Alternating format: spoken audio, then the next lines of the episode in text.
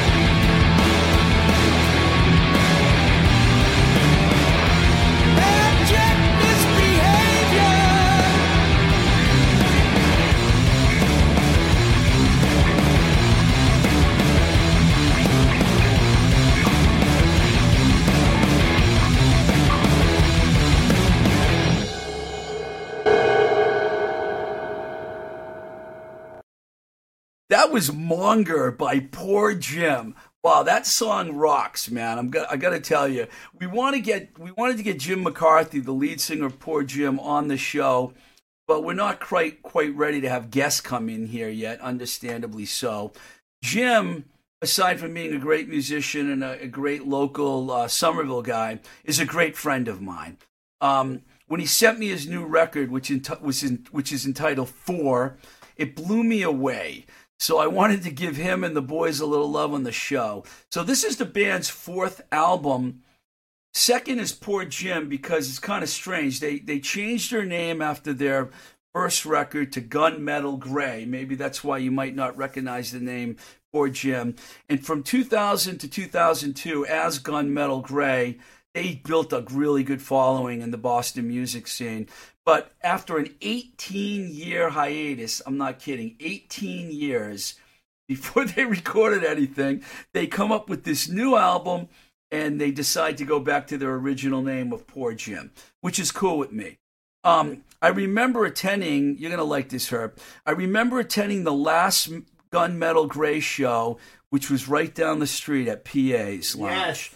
It was a packed house. All the Somerville peeps were all there this is a band that's truly a homegrown Somerville band. So being here in in the great, I guess we'll say city. It's a city. I always say town, but some some Somerville is its own little city. And if you don't know and you're listening from far away, geographically, Somerville is across the Charles River, right next to Cambridge and Medford and Arlington. I think I got all those towns right.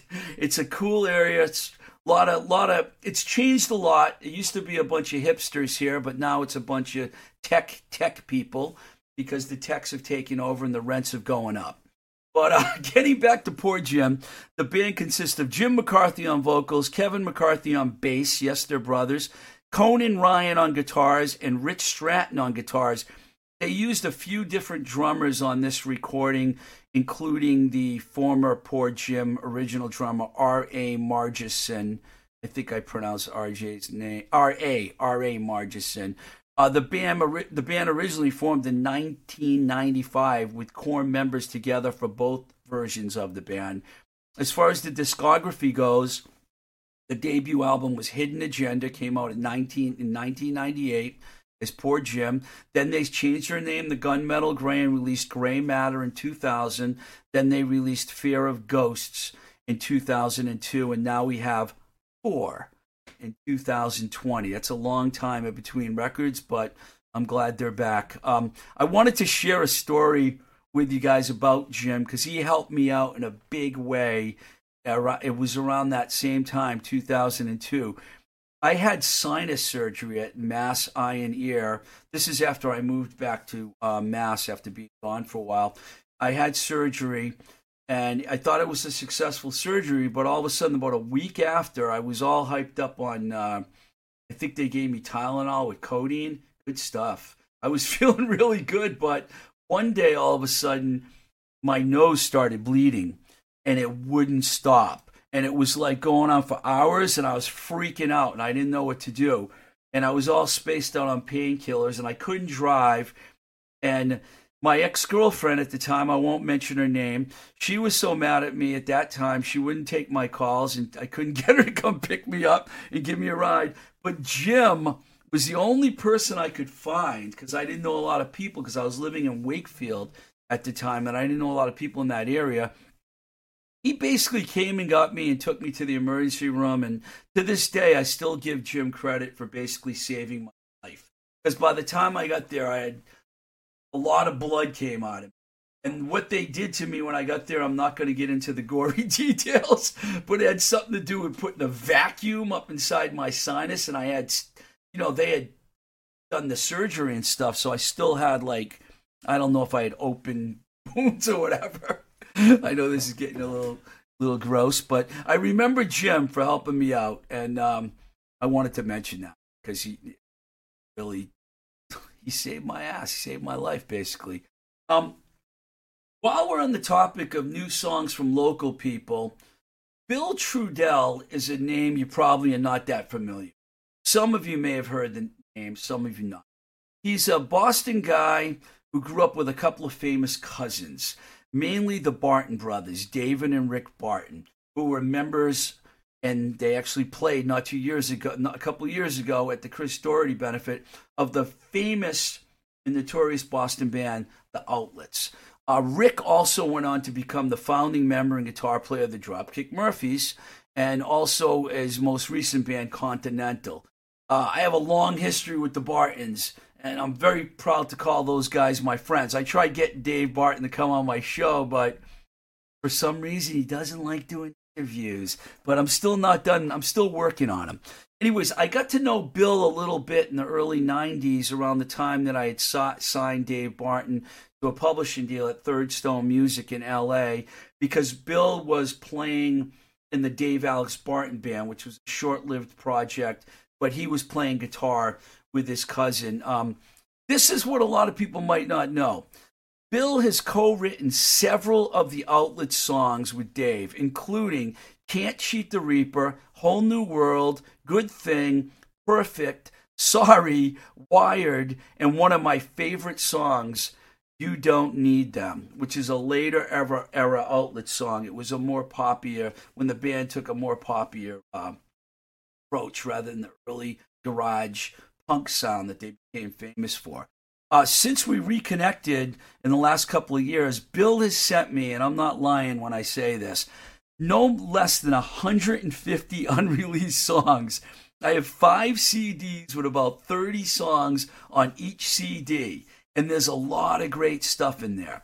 So I talked to Bill last week and I said, Do you mind if I play one of your unreleased songs? Now, this is a demo, so it's not going to sound like a real polished, high and recording. It's just a demo, but the song I think is fantastic. It's called Golden Boy, and this is unreleased and probably unheard by nobody else but you guys until now. Uh, and we're going to play it for you on Blowing Smoke with Twisted Rico right now. This is Bill Trudell, Golden Boy.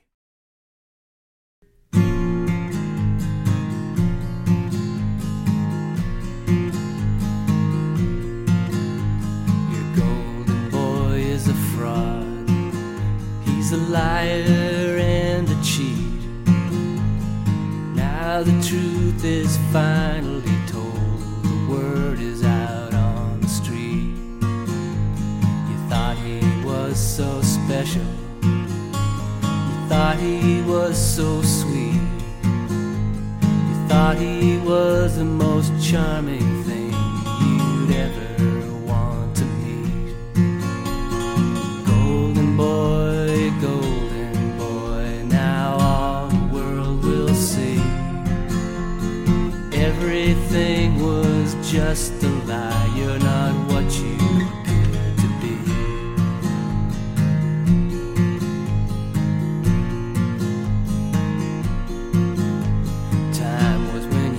opened your mouth.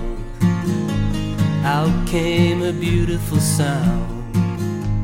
Now no one cares to hear your song, and no one wants you around. They all spoke so highly of someone they thought they knew. Now they all know you're lower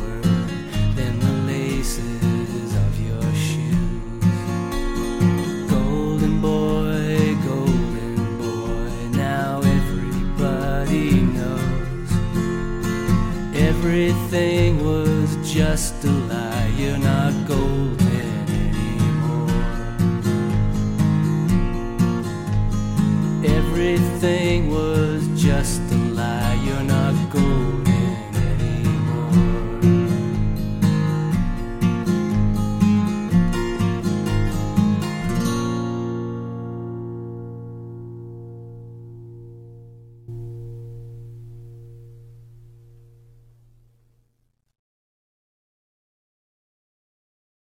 was Golden Boy by Bill Trudell. Like I said, an amazing songwriter who has managed to stay below the radar for a long, for way too long. Okay, and I hear I hear other people are going to cover some of his tunes too, or may have covered them. I'll have to get more info on that from Bill. But I also talked to him about possibly coming right in the studio right across the hall here in New Alliance and actually recording. So as they say, anything is possible. So if I can get Bill in here, that'd be fantastic. Um, before we head out, I want to give a shout out shout out to Cowboy Mark Bell, who we had on the show a little while back. A cowboy has done me some real good favors lately. I wanted people to read his book, uh, the fantastic diary called Once a Rocker, Always a Rocker, about his two year time when he played with Joe Perry from Aerosmith and the Joe Perry Project. So I worked out a deal with him. Got he actually mailed the books out and he also signed them for me which is really cool. So people I know, like five different people, got signed copies in the mail. People, friends of mine in bands or L.A. wherever they are. And I wanted to mention, um, I want to thank the Cowboy for doing that.